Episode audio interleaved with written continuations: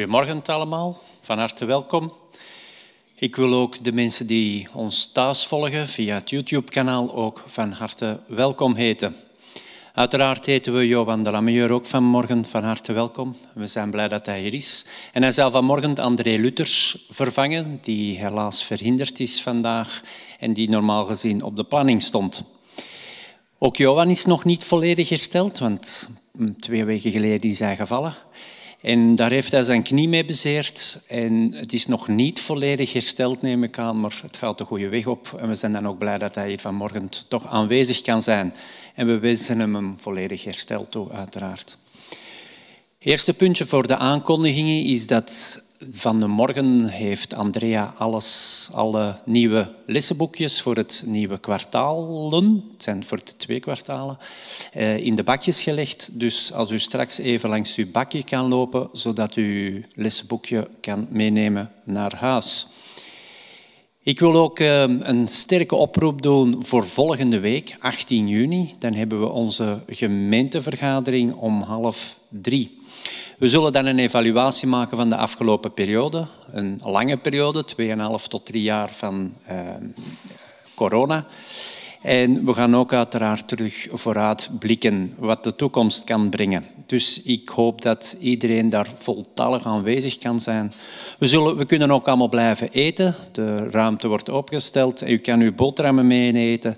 En het is niks zo aangenaam om allemaal nog eens wat te kunnen bijpraten in die anderhalf uur dat we daar dan samen zitten bij het eten. Binnen twee weken, dus de 25e is het dan, 25 juni, heeft de jeugd zijn jaarlijkse uitstap naar de zee. Ben je nog niet ingeschreven of hebben de ouders je nog niet ingeschreven, gelieve dat dan zo spoedig mogelijk te doen, zodat wij met de jeugd het vervoer zo probleemloos kunnen organiseren. Dus u kan zich altijd inschrijven bij een van de leiders. Op 19 juni, dus dat is een dag daarna, op zondag, is er nog de algemene vergadering voor onze federatie. Dus diegene die afgevaardigde is, wordt er uiteraard uh, vanuit gegaan dat u aanwezig zal zijn. Hulp voor Oekraïne blijft ook nog altijd welkom, zowel financieel, dat kan u op de rekening van ADRA doen, maar ook met hulpgoederen. En die hulpgoederen kan u meenemen en wij placeren dat hier in de bibliotheek. En dat wordt op regelmatige basis uh, verzorgd, omdat die ter plaatse zouden komen, die hulpgoederen. Um, en Lana onder andere heeft daar een heel grote werk aan. Er wordt wel algemeen kledij is goed, maar er wordt vooral een oproep gedaan om eten. Natuurlijk geen vers eten, want zo snel zijn we nu ook niet met het vervoer, maar vooral droogvoer, dus conserven, meel, rijst, spaghetti, al die zaken. Daar wordt ook een heel grote oproep op gedaan, want daar is een enorm gebrek aan. En dat is wel handig dat we daar uh, ook hulp zouden kunnen bieden. Zo, ik ben zowat door de aankondigingen heen. En dan wil ik deze dienst openen met Gods woord. En ik zal de, de, een psalm lezen uit uh, hoofdstuk 103, de versen 19 tot 22. De Heer, zijn troon staat vast in de hemel. Als koning heerst hij over alles. Prijs de Heer, u die zijn boden bent. Sterke helden die doen wat hij zegt gehoorzaam aan het woord dat hij spreekt. Prijs de Heer, hemelse machten, dienaren die doen wat hun behaagt. Prijs de Heer, al zijn schepselen, prijs hem, overal in zijn rijk. Prijs de Heer, mijn ziel. Ik wil u nu vragen om de hoofden te buigen, om de Heer te zoeken in gebed. Ons Vader in de hemel, Heer, wij komen deze Sabbatmorgen tot u om u te danken, Heer, voor de mooie momenten die we deze week hebben mogen beleven. We komen u ook danken voor de natuur die ons hebt gegeven, waarin wij elke keer wederom tot rust kunnen komen. We komen u danken, Heer, voor de vrienden, de kennissen die ons hebt gegeven en die we vanmorgen ook wederom kunnen ontmoeten. Heren, we zijn ook dankbaar voor de vrijheid die we nog steeds hebben om hier samen te komen. Om hier samen te komen om uw woord te kunnen bestuderen om u te kunnen loven en prijzen, Heer. Daar zijn wij u enorm dankbaar voor. We zijn dan ook blij, Heer, dat Johan hier vanmorgen onder ons kan zijn. Dat hij samen met ons, samen uw woord kunnen bestuderen. Heren, we komen ook tot u om u te vragen om bij alle mensen te zijn in oorlogsgebieden. In die gebieden waar er nu ellende is, Heer, waar er hongersnood is, waar mensen geen dak meer boven hun hoofd hebben en waar mensen hebben moeten afscheid nemen van heel veel dierbaren. Heren, wil, wil u bij deze mensen zijn, wil u hen ondersteunen. Heren, wil ook met ons zijn, opdat wij geraakt daardoor mogen worden. En dat wij ook hen financieel uh, kunnen steunen of de handen uit de mouwen steken en gaan helpen waar mogelijk, Heer. Heren, we denken ook aan al onze zieken die thuis zijn. Wilt u bij hen zijn? Wilt u hen snel weer beter maken? Opdat we ze, we ze weer snel in ons midden mogen ontmoeten. Heren, we zijn ook in onze gedachten bij de schoolgaande jeugd, die nu de periode heeft van examens, Heer, van studeren. Wilt u bij hen zijn? Wilt u hen de nodige inzichten geven en de nodige kracht om dat tot een goed einde te brengen?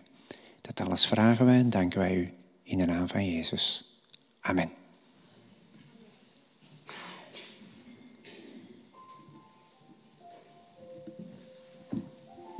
Goedemorgen. Ik wil u uitnodigen om op te staan om samen met ons de Heer te loven en te prijzen via muziek en zang. Laat de woorden tot u doordringen en zing ze mee in volle borst.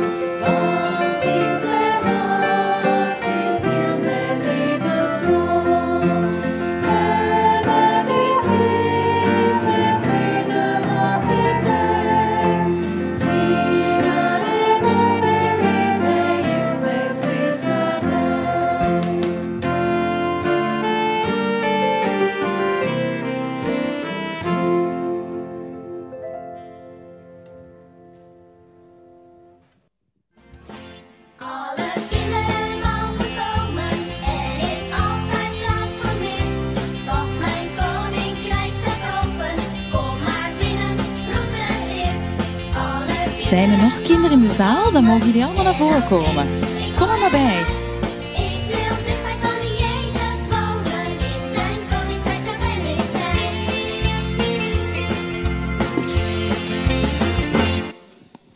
Zo, kom er maar bij. Ga maar zitten op de grond. Wat fijn dat jullie er zijn. En vandaag hebben we een verhaaltje over vrienden. Eens even kijken. Hè. Ik hoop dat ik boven ook de tekst kan krijgen, dat zou heel fijn zijn. Het gaat over iemand die niet zo goed kan lopen. Een lamme. En we gaan daarvoor naar het dorpje in Capernaum. Het verhaal is in Capernaum en dat is een vissersdorpje helemaal bovenaan het meer van Galilea. Het is een dorpje waar Jezus woonde. En niet zo lang geleden had hij in de synagoge van Capernaum de mensen toegesproken en ook genezen. Daarna was hij helemaal rondgetrokken in Galilea om iedereen het evangelie, het goede woord van God, aan iedereen te vertellen. En nu kwam hij weer thuis. Kijk, dat is het huis van Jezus. Hij, hij, wat was hij blij.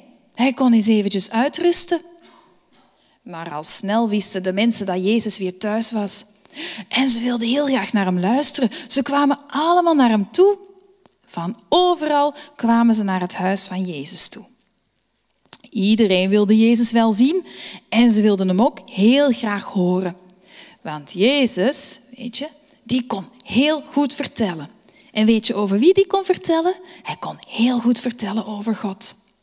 En al gauw geraakte het huis helemaal vol, bomvol. De mensen waren aan het drummen en aan het duwen. Er kon niemand meer bij. Niemand. Zo vol was het. Is het hier vol in de kerk?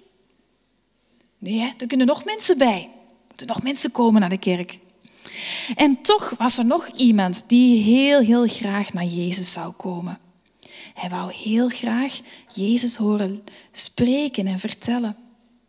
Maar dat ging niet zomaar. Hij kon niet lopen, hij was verlamd.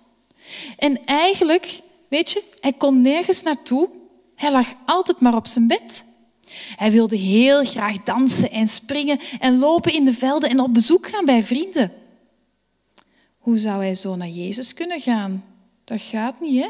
Als je niet kunt lopen. Nee. En hij was eigenlijk heel verdrietig. Hij dacht, oh, ik ga nooit naar Jezus kunnen gaan.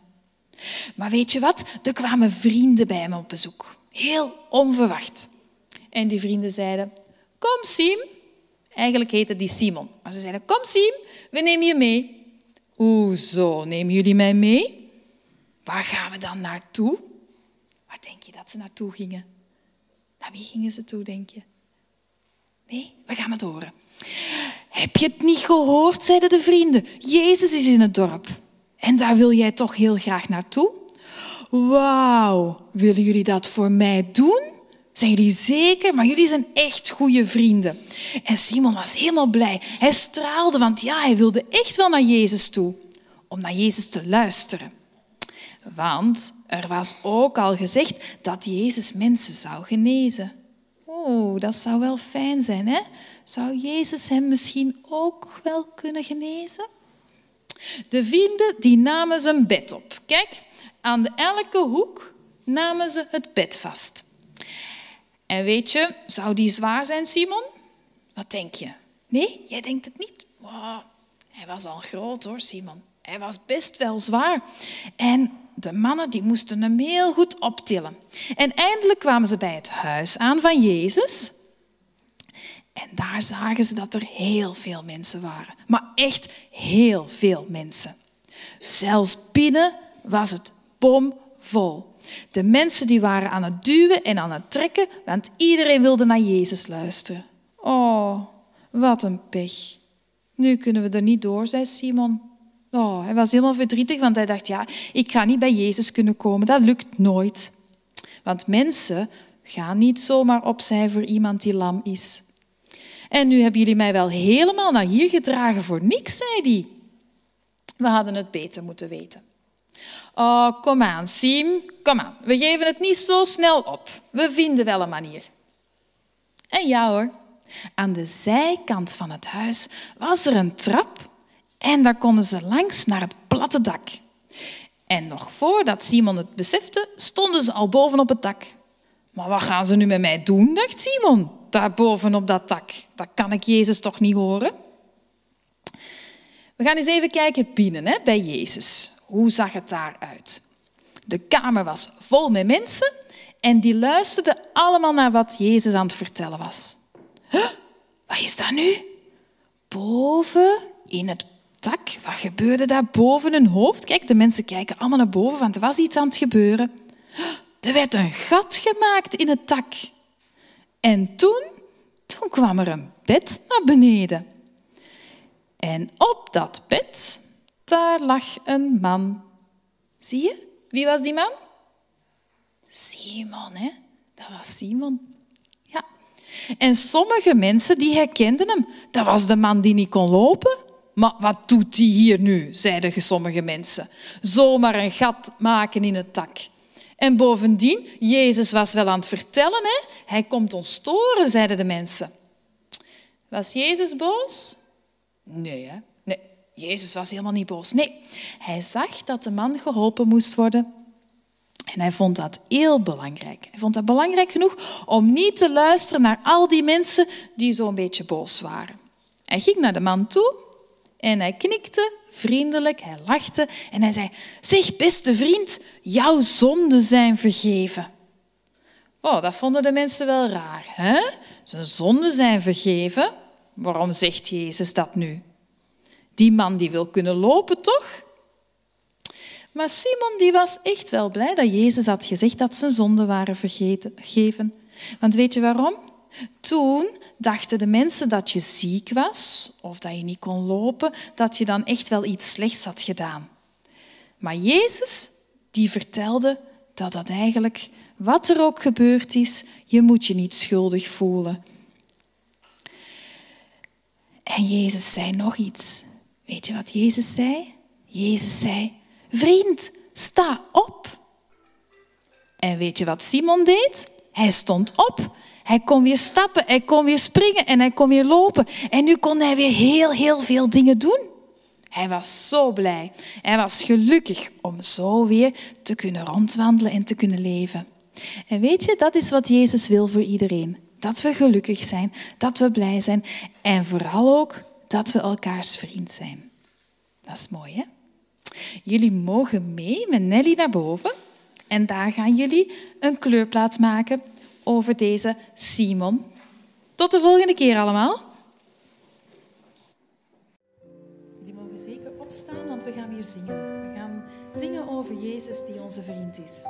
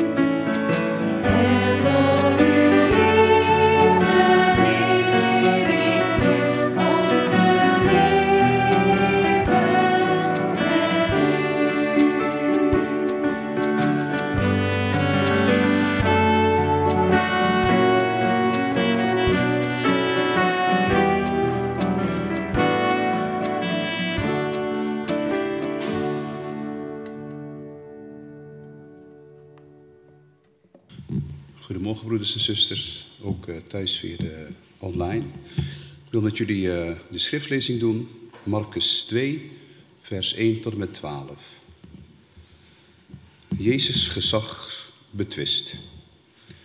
Toen hij enkele dagen later terugkwam in Cafarnaum, werd bekend dat hij weer thuis was. Er stroomden zoveel mensen toe dat er zelfs voor de deur geen plaats meer was en hij verkondigde hen de heilsboodschap.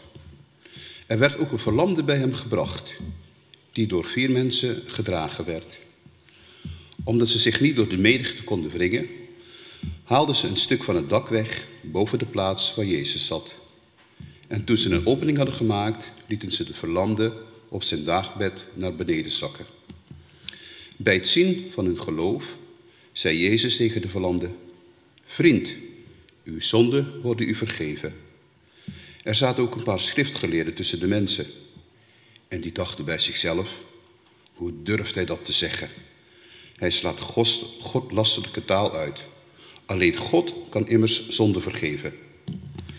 Jezus had meteen door wat ze dachten en dus zei hij: Waarom denkt u zoiets?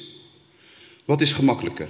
Tegen een verlamde zeggen: Uw zonde worden u vergeven, of sta op, pak uw bed, pak uw bed en loop. Ik zal u laten zien dat de mensenzoon volmacht heeft om op aarde zonde te vergeven.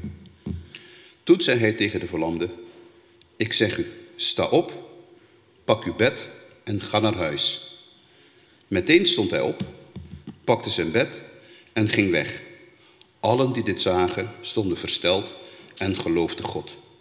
Zoiets hebben we nog nooit gezien, zeiden ze. Dank u, Steve. Hele goedemorgen, beste mensen. Ik ben blij u te zien. Ik ben blij dat ik er ook kan zijn. Um, soms vraag ik mij af, bij het horen van zo'n verhaal, hoe zouden jullie reageren als hier plots een, opening zou verschijnen en iemand wordt naar beneden gelaten? En hoe zou ik reageren als predikant? Dat is even, komt net bij, bij me op. Nu, dat verhaal, Jezus geneest een verlamde. Een gekend verhaal?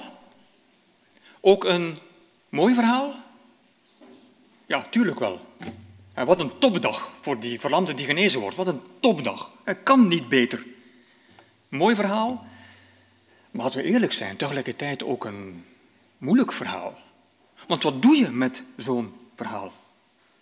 Weet u, enkele jaren geleden werd ik onverwacht aan het ziekbed geroepen van een jongeman, een, een prachtige jongeman, jonge vrouw, twee kleine meisjes, twee kleine dochtertjes. En die, kon, die had ALS. En die kon enkel nog zijn ogen bewegen. En ik werd erbij geroepen om te bidden. En het is de eerste keer dat ik als predikant eigenlijk niet wist wat moet ik hier doen. Wat moet ik hier, hier zeggen? Het was zo confronterend. Ja. En de enige woorden die ik had willen uitspreken waren eigenlijk sta op en wandel. Maar ja, helaas. Heel confronterend. En dan vraag je je af, waar in deze tekst zit het goede nieuws? Zit het evangelie, het goede nieuws? Niet alleen toen, maar ook voor mensen vandaag. Voor mensen vandaag met een zware handicap. Of mensen die te maken hebben met hele zware, pijnlijke situaties. Denk aan mensen in Oekraïne, of Oekraïners die hier gekomen zijn, of mensen in bepaalde streken van Afrika. En, en noem maar op. Wat, mensen die vaak oprecht geloven, die heel oprecht bidden. En die niet genezen of waar de moeilijkheden niet worden opgelost. Wat doe je dan? Enkele jaren geleden had ik het voorrecht om een jonge vrouw te dopen die heel, heel zwaar gehandicapt was. Ze kon eigenlijk praktisch niks doen. Een hele speciale ervaring. En net voor de doophandeling was er een collega, predikant, die een gebed zei. En het was een gebed in de, in de zin van, God, het is nu of nooit, hè? Nu is het moment, hè? Om die jonge vrouw te genezen. Wat denkt u? Wat is er gebeurd? Niks. Pijnlijk. Heel pijnlijk. Vandaar die vraag. Wat doe je met zo'n verhaal? Wat doe je ook met zo'n verhaal voor alle mensen die het wel goed stellen?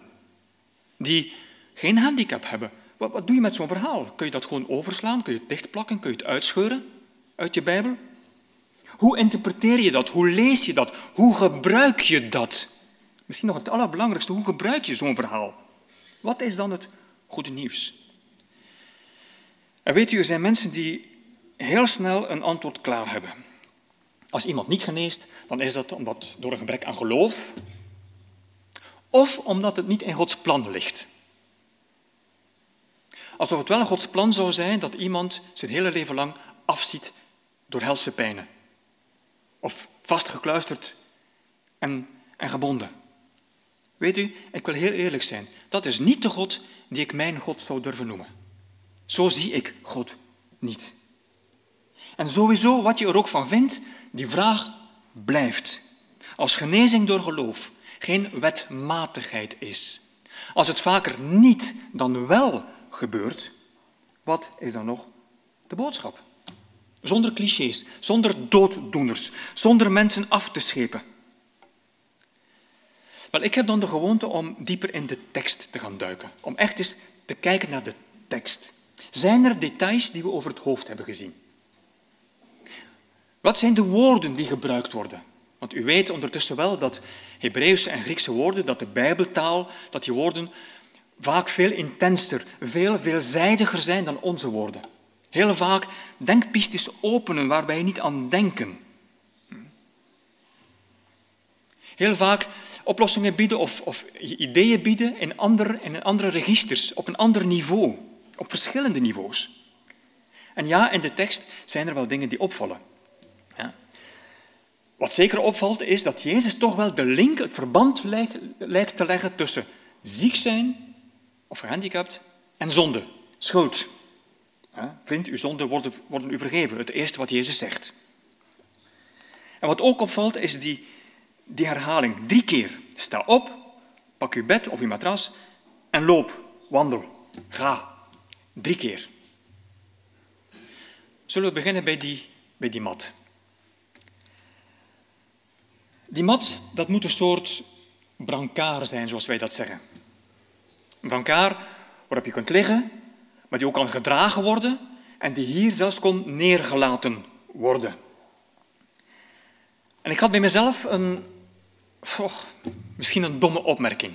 En ik weet wel, sommigen zullen denken, dat zijn we gewoon van, van Johan, maar, toch. Ik bedoel, sta op, neem je bed op en als hij genezen was, waarom moest hij dat bed nog, nog dragen?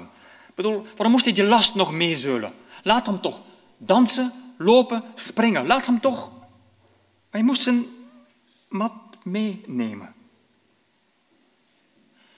Maar wat als die mat, wat als die matras, die krabatos in het Grieks, als dat zijn ziekte voorstelde, zijn toestand, symbool van, van zijn probleem, van de situatie waarin hij zat. Want als je erover nadenkt, dan zie je dat Jezus de situatie omgooit. Helemaal omkeert. Al die voorbije jaren had die matras die man gedragen. Al die jaren. Nu draagt hij dat ding. En dat is heel wat anders. Nu kon hij zelf dragen. Van leidend voorwerp wordt hij onderwerp of handelend voorwerp. Hij ondergaat niet meer. Al die tijd was hij als het ware vastgekluisterd aan die mat, opgesloten in zijn beperkingen. Die, die mat, die ziekte en wat ze, die, die handicap, die bepaalde wat, wie hij was, die bepaalde wat hij deed, die bepaalde wat hij niet deed. Opgesloten in zijn situatie. Nu wordt het omgekeerd. Nu gaat hij handelend voorwerp zijn. Nu gaat hij die matras dragen. Jezus geeft hem het roer van zijn leven terug in hand. Hij kan opnieuw zelf bepalen. En die mat, met alles wat die betekende, die is er nog, maar die sluit hem niet meer op. Ze belet hem niet meer om vooruit te gaan, om te lopen, te dansen, te springen. Hij is niet meer afhankelijk. Daarvoor absoluut afhankelijk. Nu niet meer. Nu had hij de kracht om zelf te dragen. Hoe zet je dat om? Is het niet zo dat iedereen wel in zekere zin een handicap heeft, letterlijk of figuurlijk. Dat iedereen wel met iets zit. Het Griekse woord paralutikos, in het Frans paralytiek, het woord dat komt van een werkwoord zwak zijn, fragiel zijn, zwakke knieën hebben, wankelen. En dat kan fysiek zijn, lichamelijk. En dat kan mentaal zijn en dat kan sociaal zijn. Iets wat je als het ware verlamt. Wat je het moeilijk maakt of zelfs verhindert om vooruit te gaan. Iets wat verlammend werkt, letterlijk of figuurlijk. En wat doet Jezus? Wel, in de grondtekst staat er egeiro. Dat is het werkwoord. Betekent doen opstaan. Wakker maken. Opwekken. Ook opwekken uit de dood. Het woord wordt, heel veel gebruikt. In, ehm, in de vier evangelieën komt het meer dan tachtig keer voor. En een paar keer gaat het over Jezus' opstanding uit de dood. Maar bijna altijd over mensen die Jezus helpt om op te staan. Waar Jezus het mogelijk maakt om terug zich op te richten en op te staan. Opstaan en helpen om op te staan. Mensen die terug konden opstaan dankzij Jezus. En je kunt denken aan gehandicapten, aan kreupelen, aan zieken. Maar ook mensen die gebukt gingen onder schuld en schuldgevoelens, wat zo frequent is. Of mensen die werden gestigmatiseerd, aan de rand van de maatschappij geplaatst, als onrein, als zondaars. Zou het kunnen dat de boodschap in, dat, in, in dit evangeliegedeelte ook op dat niveau te zoeken is? En dat is niet om het wonder te minimaliseren, maar ook eens nadenken op in andere registers, op andere niveaus. Want uiteindelijk moet het iets zijn wat, waar iedereen van ons af en toe ook mee te maken krijgt. En misschien kan het wel zo verwoord worden. Wat ook je last is. Wat ook het blok is aan je been. Wat ook de mist is in je hoofd. Je kunt je oprichten. Je kunt weer stappen zetten. Je kunt stoppen met leidend voorwerp te zijn. Maar zelf het leven terug in hand te nemen.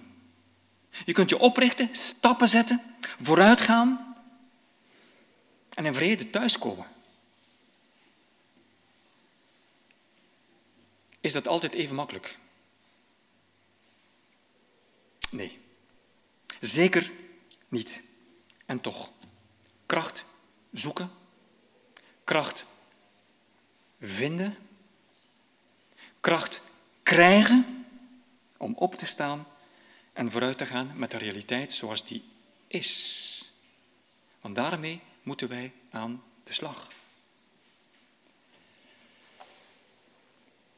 Nu, laten eens naar dat tweede opmerkelijke gaan in die tekst. Het feit dat Jezus het verband lijkt te leggen tussen handicap, ziekte en zonde en schuld. Die man wil genezen worden. Wat zegt Jezus? Vriend, uw zonden zijn vergeven. En dan denk je van, jee, Wat die man wil is kunnen staan, kunnen lopen, kunnen springen, wandelen, dansen. Je zonden zijn vergeven. Ja. Wil Jezus het er misschien in wrijven dat het echt wel zijn eigen schuld is? Wat ik al vaker gehoord heb als er iets negatiefs gebeurt, van ja, ja het zal wel ergens... Hè? Is dat wat Jezus bedoelt? Nu, misschien moeten we terug naar dat begrip paralutikos. Want ja, het kan letterlijk zijn, natuurlijk wel. Maar het kan ook anders. Ik, gewoon een, een eenvoudig voorbeeld van mezelf. Toen ik jong was, dus lang, lang geleden, Ehm, was ik vaak verlamd door bedeesdheid. Ik was bijzonder bedeesd. Ik werd direct helemaal rood en verlamd door bedeesdheid. En echt niet, niet durven dingen doen. Andere mensen zijn als het ware verlamd door faalangst. Durven niks te ondernemen door faalangst. Terwijl als je niks doet, doe je ook niks verkeerd. Als je niks doet, dan doe je ook niks. Andere mensen zijn verlamd door onzekerheid en schrik. Mensen durven vaak niet naar anderen toe gaan door ja, door een te klein gedacht van zichzelf, een te klein zelfbeeld, gebrek aan zelfvertrouwen. Verlamd. Je kunt op zoveel manieren verlamd zijn dat je niet meer vooruit kunt. En dat, beste mensen, is zonde. Dat is zonde, zoals wij dat zeggen. Dat is zo jammer. Dat is zo jammer. Ja. Nu, zonde klinkt heel zwaar in christelijke middens. Dat is heel, heel zwaar. In de Bijbelse taal ligt dat iets anders. Het basiswoord in het Nieuwe Testament, hamartia, komt van het werkwoord niet deelnemen. Het doel missen. Ernaast grijpen. Naast wat? Ja, wij denken dan naast de hemel. Maar er is zoveel waar je naast kunt grijpen. Naast vriendschap, naast gezondheid en welzijn, naast geluk, naast. Ja. Er zijn zoveel dingen waar je naast kunt grijpen. En dat is zonde. Dat is zo jammer. En dan is er een overwinning nodig. Een overwinning op, op jezelf, op situaties en misschien zelfs overwinning op anderen. Overwinning ook op je angsten, je onzekerheid. Overwinning op omstandigheden. Om weer vooruit te kunnen. Even tussen haakjes. De evangelist Marcus vertelt een ander verhaal over iemand met een handicap. Marcus 10, u kent dat verhaal, Bartimeus, de blinde man in Jericho. Ja. En ook hij moest opstaan, zich oprichten en stappen zetten, nog voor hij kon zien. Moest hij al stappen zetten. Jezus bleef staan en zei, roep hem. En ze riepen de blinde en zeiden tegen hem, houd moed, sta op, hij roept u. Hij gooide zijn mantel af, sprong op en ging naar Jezus. Nu, die laatste zin heeft hele grote zeggingskracht in de grondtaal. Ja. Apoballo is niet gewoon je mantel uitdoen, is echt je ontdoen van je mantel en hem ver weggooien. Weg met die mantel. Gedaan ermee. En het werkwoord anistemi is niet gewoon opstaan, maar opspringen. En tussen haakjes ook opstaan uit de dood. Terug tot leven komen. Weer leven. Ik heb dat in dat verhaal altijd, als ik me dat probeer voor te stellen, die blinde gezien in die mantel, zo helemaal gehuld in die mantel, als in een kokon. Zo in zichzelf gekeerd. Getekend door het leven, misschien door bitterheid, door hopeloosheid en mantel om zich heen. En dan springt hij op en gooit die mantel van zich af.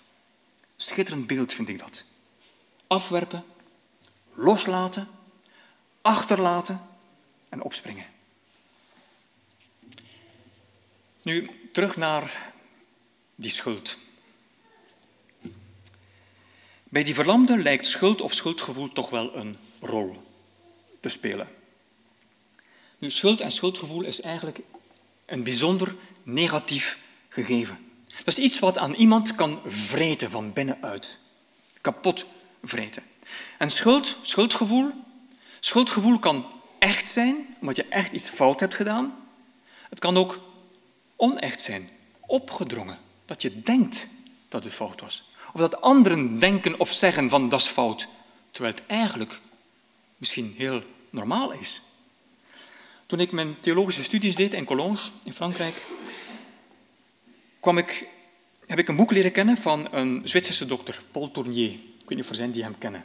Het was een, een, arts die op een bepaald ogenblik in zijn leven uh, tot bekering kwam en, en, christen werd. Hij heeft heel wat boeken geschreven.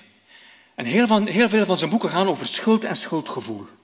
Ja. En over echte schuld en onechte schuld.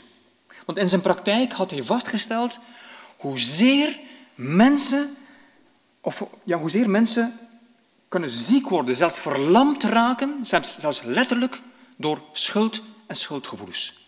Die worden opgekropt en die het leven gewoon helemaal kapot drukken. En het zou wel eens kunnen zijn dat dat inderdaad misschien wel het, het hoofdprobleem was van die verlamde. We weten het niet, maar we weten wel hoe godsdienst in die tijd gefocust was op schuld. Denk aan Johannes 9. De discipelen zien een blind geborene bij de tempel. Heer, wie heeft er gezondigd? Hij of zijn ouders? Schuld. Schuldgevoel. Als je iets ergs overkwam, dan had dat te maken met schuld. En ik ga heel open zijn. Ik vind het zelf vreselijk dat het christendom door de tijd heen is geëvolueerd naar een schuldgodsdienst. Alles draait rond schuld. In de theologie, in het denken van veel christenen, vaak ook in de houding en de reactie van mensen, zoeken naar schuld en wat fout is. Terwijl schuldgevoelens zijn vergif en kunnen verlammend werken. En dat is zonde. Dat is zo jammer. Want dat was niet wat Jezus wilde, helemaal niet. Integendeel, er is vergiffenis in de diepte en in de brede zin van het woord. Het eh, Griekse woord is heel mooi. Trouwens, ook het Hebreeuwse komt ermee overeen. Afiemi. Werkwoord dat betekent loslaten, achterlaten, vergeten, niet blijven vasthouden. En dan een hele mooie, op weg gaan en achterlaten. Op weg gaan en achterlaten. Afiemi, vergiffenis. Je mag achterlaten. Je mag die mantel uitdoen. Je mag opstaan, je mag je weggaan. Je hoeft niet veroordeeld te zijn tot die mat, tot die matras. En natuurlijk is het goed om op tijd en stond je fouten toe te geven en berouw te hebben. Natuurlijk wel. Ja. Om fouten te beleiden. Denk aan Psalm 31. Ja. De zegen van schuldbeleidenis. Maar dan kun je het achterlaten, dan mag je het loslaten. En dan is het voorbij. Niet blijven meezeulen. Ook al die dingen die eigenlijk geen fouten zijn, maar waarvan we soms denken dat het fouten zijn. Of waarvan anderen zeggen dat het fouten zijn. Waar we het ons toch soms schuldig over voelen. En soms komt dat inderdaad uit onszelf. Soms komt dat uit onze opvoeding, uit onze omgeving. Of komt het van anderen die het ons opdringen? En dan denk ik onder andere aan bepaalde kerkmilieus, waar het altijd moet gaan over zonde en schuld. En als je nadenkt over schuld, als je focust op schuld, dan ben je eigenlijk um, altijd bezig met het verleden. Iets wat, je, wat er is gezegd, iets wat er is gedaan. Of iets wat er is gebeurd. En natuurlijk kun je leren uit het verleden. Je mag maar hopen dat we leren uit, uit wat er gebeurd is, uit het verleden. Maar anderzijds, iedere keer als we obsessief bezig zijn met het verleden, met wat er is gebeurd, dan lijken we op de vrouw van, van Lot, die achterom kijkt en die verandert in een zoutpilaar.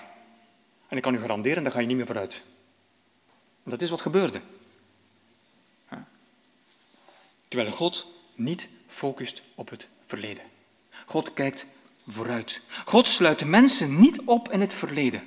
Want weet u, het verleden, met schuld of zonder schuld, het verleden kun je niet uitwissen. Het verleden kun je niet ongedaan maken. Wat gebeurd is, is gebeurd. Zelfs God kan dat niet uitwissen. Het is gebeurd. Je kunt enkel vooruitkijken. En dat is, halleluja, wat God doet. En de profeet Jezaja um, verwoordt dat heel mooi. God, u hebt al mijn zonden achter uw rug geworpen. We zeggen vaak dat God anders is dan mensen. Wel ja, wij mensen hebben ogen op onze rug. God niet. Dat is een boetade, dat is niet echt. Hè? Maar God kijkt vooruit, naar wat kan. Dus focussen op schuld is focussen op het verleden. Heel nefast. Maar het is ook focussen op al wat niet gaat, op fouten, op het kwade, op falen, op mislukking.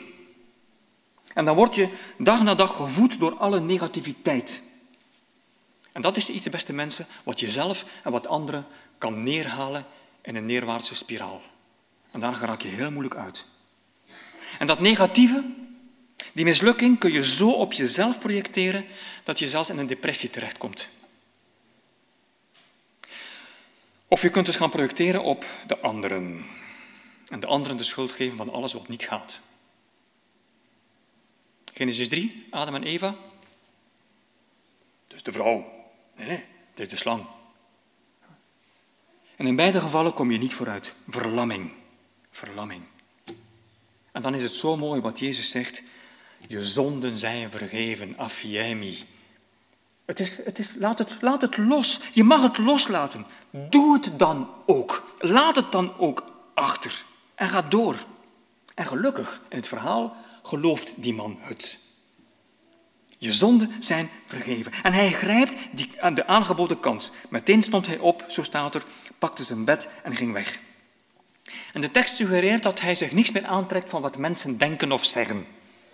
Hij kan lopen, hij kan springen, hij kan dansen. Wat doet de rest ertoe? Wat mensen denken. Want ja, in het evangelie kom je het vaak tegen. Ook nu weer waren er mensen die, ja, die klaar stonden met hun kritiek en hun oordeel. Maar zo wat, hij kan lopen, dansen, springen. En om geen misverstand te laten zijn, Jezus bedoelt niet van, ach, ach, het maakt allemaal niet uit. In de fout gegaan, ach, wat maakt het uit? Trek je dat niet aan, niet erg. Laxisme heeft nog nooit iemand bevrijd.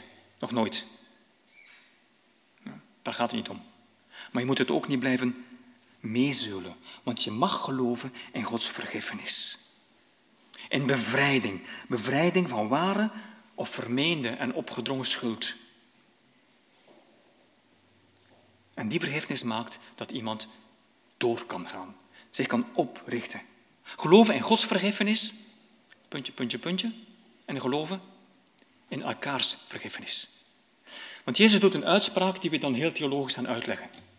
Uh, de mensenzoon heeft macht om op aarde, en die mensenzoon staat in onze Bijbel met de hoofdletter, in het Grieks niet. Want mensenzoon, ben Adam, is een, andere, is een uitdrukking voor mens. Ook mensen moeten kunnen vergeven. Wij, wij kunnen, wij moeten elkaar helpen om los te laten.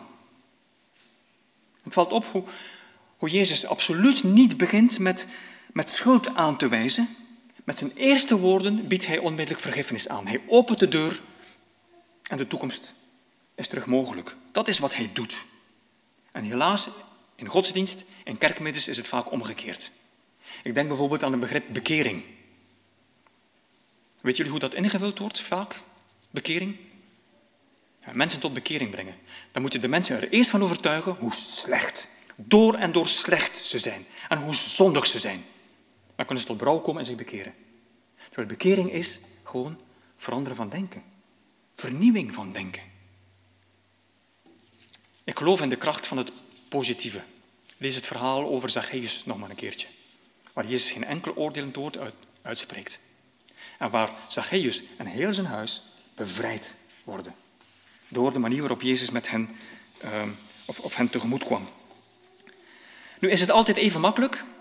Zoals ik al zei, nee. Nee. Er zijn obstakels. En ook daar gaat het verhaal over. En die obstakels kunnen bij onszelf liggen, hier, in ons koppetje. Heel vaak.